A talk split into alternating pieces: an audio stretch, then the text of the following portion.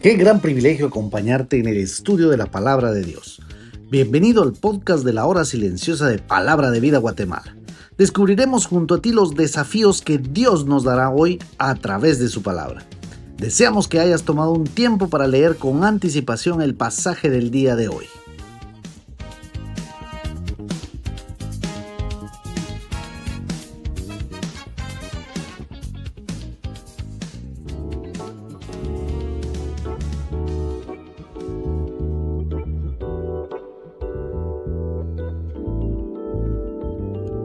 Bienvenidos al comentario bíblico de la hora silenciosa de Palabra de Vida Guatemala. Mi nombre es Ronnie Ajín y hoy estaremos meditando en la primera carta del apóstol Juan, capítulo 1 de los versículos del 1 al versículo 4. La Biblia dice así. Lo que era desde el principio, lo que hemos oído, lo que hemos visto con nuestros ojos, lo que hemos contemplado y palparon nuestras manos tocante al verbo de vida, porque la vida fue manifestada y la hemos visto, y testificamos y os anunciamos la vida eterna, la cual estaba con el Padre, y se nos manifestó. Lo que hemos visto y oído, eso os anunciamos, para que también vosotros tengáis comunión con nosotros, y nuestra comunión verdaderamente es con el Padre y con su Hijo Jesucristo. Estas cosas os escribimos para que vuestro gozo sea cumplido. Esta carta en particular fue escrita según los estudiosos de la Biblia en el año 90 por el apóstol Juan.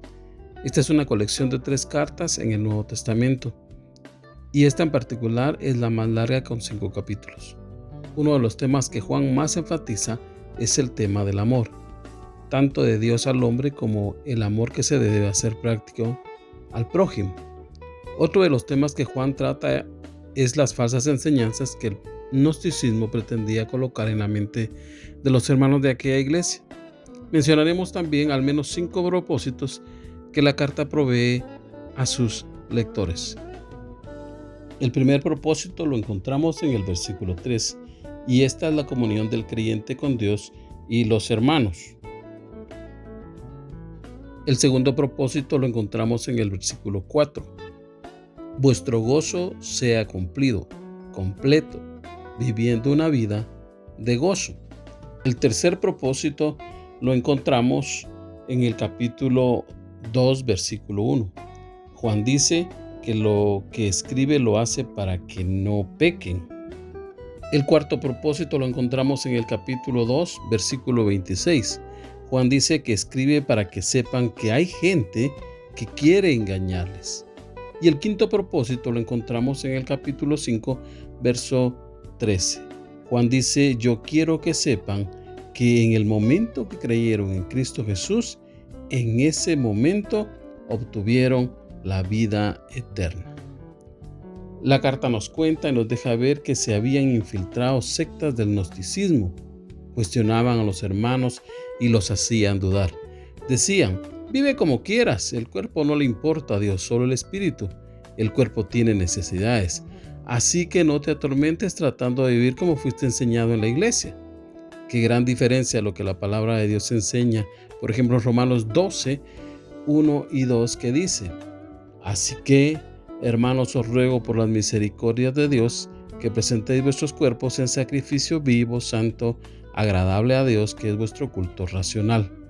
No os conforméis a este siglo, sino transformaos por medio de la renovación de vuestro entendimiento para que comprobéis cuál sea la buena voluntad de Dios, agradable y perfecta. Y es que Juan sabía lo que decía, y por eso empieza su carta diciendo, lo que era desde el principio, una palabra que se repite varias veces. Cuando se dice esto, se refiere a las enseñanzas dadas por los apóstoles, las enseñanzas de Jesús debemos de anunciar el Evangelio de verdad.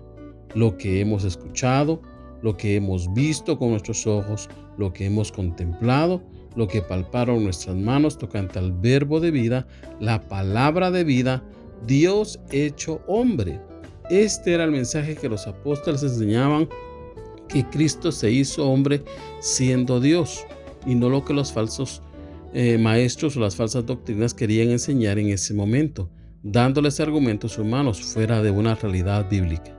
Ya el apóstol Pablo, escribiéndole a los hermanos de Filipos, les dice en el capítulo 2, verso 6, el cual, siendo en forma de Dios, no estimó el ser igual a Dios como cosa a que aferrarse.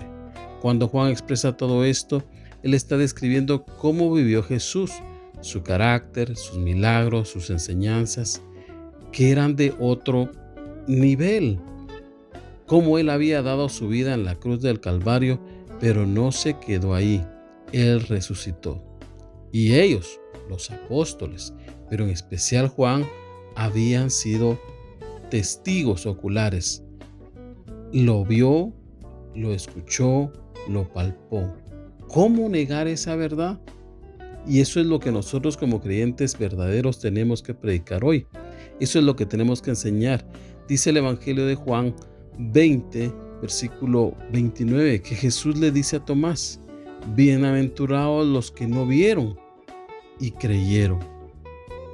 Y es que alguno puede decir que los apóstoles estuvieron allí y vieron, pero nosotros no. Mi querido hermano, un día alguien me habló de Jesús me dijo que me amaba tanto, que había muerto por mí en la cruz del Calvario y que había resucitado al tercer día. Ese día le entregué mi corazón y estoy seguro que si muero, iré al cielo. Pero no porque sea mejor que tú, no, de ninguna manera, sino porque deposité mi fe en el sacrificio que Jesús hizo por mí en la cruz del Calvario. Juan testifica de su relación con Jesús como lo hace Pedro en su segunda carta, capítulo 1, verso 16, que dice, porque no os hemos dado a conocer el poder y la venida de nuestro Señor Jesucristo siguiendo fábulas artificiosas, sino como habiendo visto con nuestros propios ojos su majestad. Dice Juan en el verso 2 que Cristo fue manifestado, porque le vimos, también testificamos y anunciamos que en Él hay vida eterna, la cual todos los que le aceptan podemos disfrutar de ella.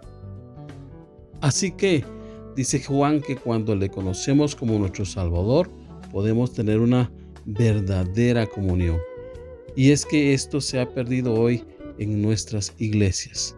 La iglesia ha dejado de ser el lugar en donde se refugiaban los hermanos para tener armonía y conocer más de Jesús. Hoy nuestras congregaciones son lugares fríos en donde la gente se entretiene, lugares para calmar la conciencia, en donde ya no somos confrontados con el pecado y la sana doctrina se ha ido perdiendo. ¿Recuerdas que dijimos que la comunión es uno de los propósitos de la carta? Pues qué lógico, ¿no te parece? Pues si tenemos comunión con Dios, o sea, Cristo Jesús, tendremos comunión con los hermanos y se cumplirá el segundo propósito, tendremos gozo.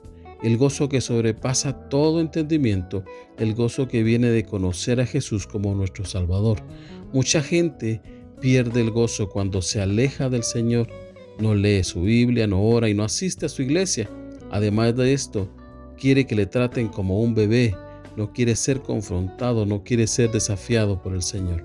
El gozo es una actitud de vida que se cultiva depositando nuestra fe en Jesucristo. Por eso vívelo.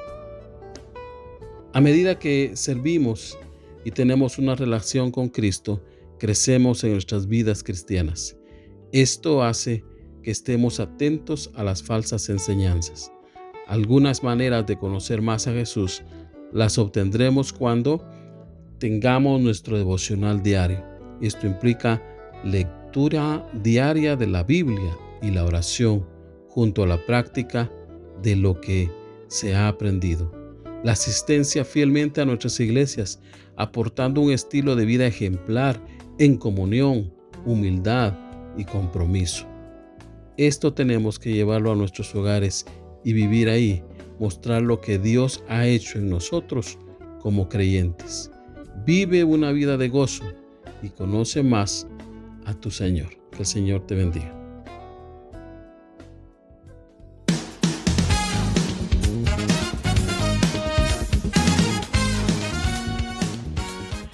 Es emocionante saber los tesoros que Dios tiene en su palabra para nosotros. Ayuda a tus amigos a que descubran la voluntad de Dios para su vida. Comparte este podcast con ellos. No olvides seguirnos en nuestras redes sociales.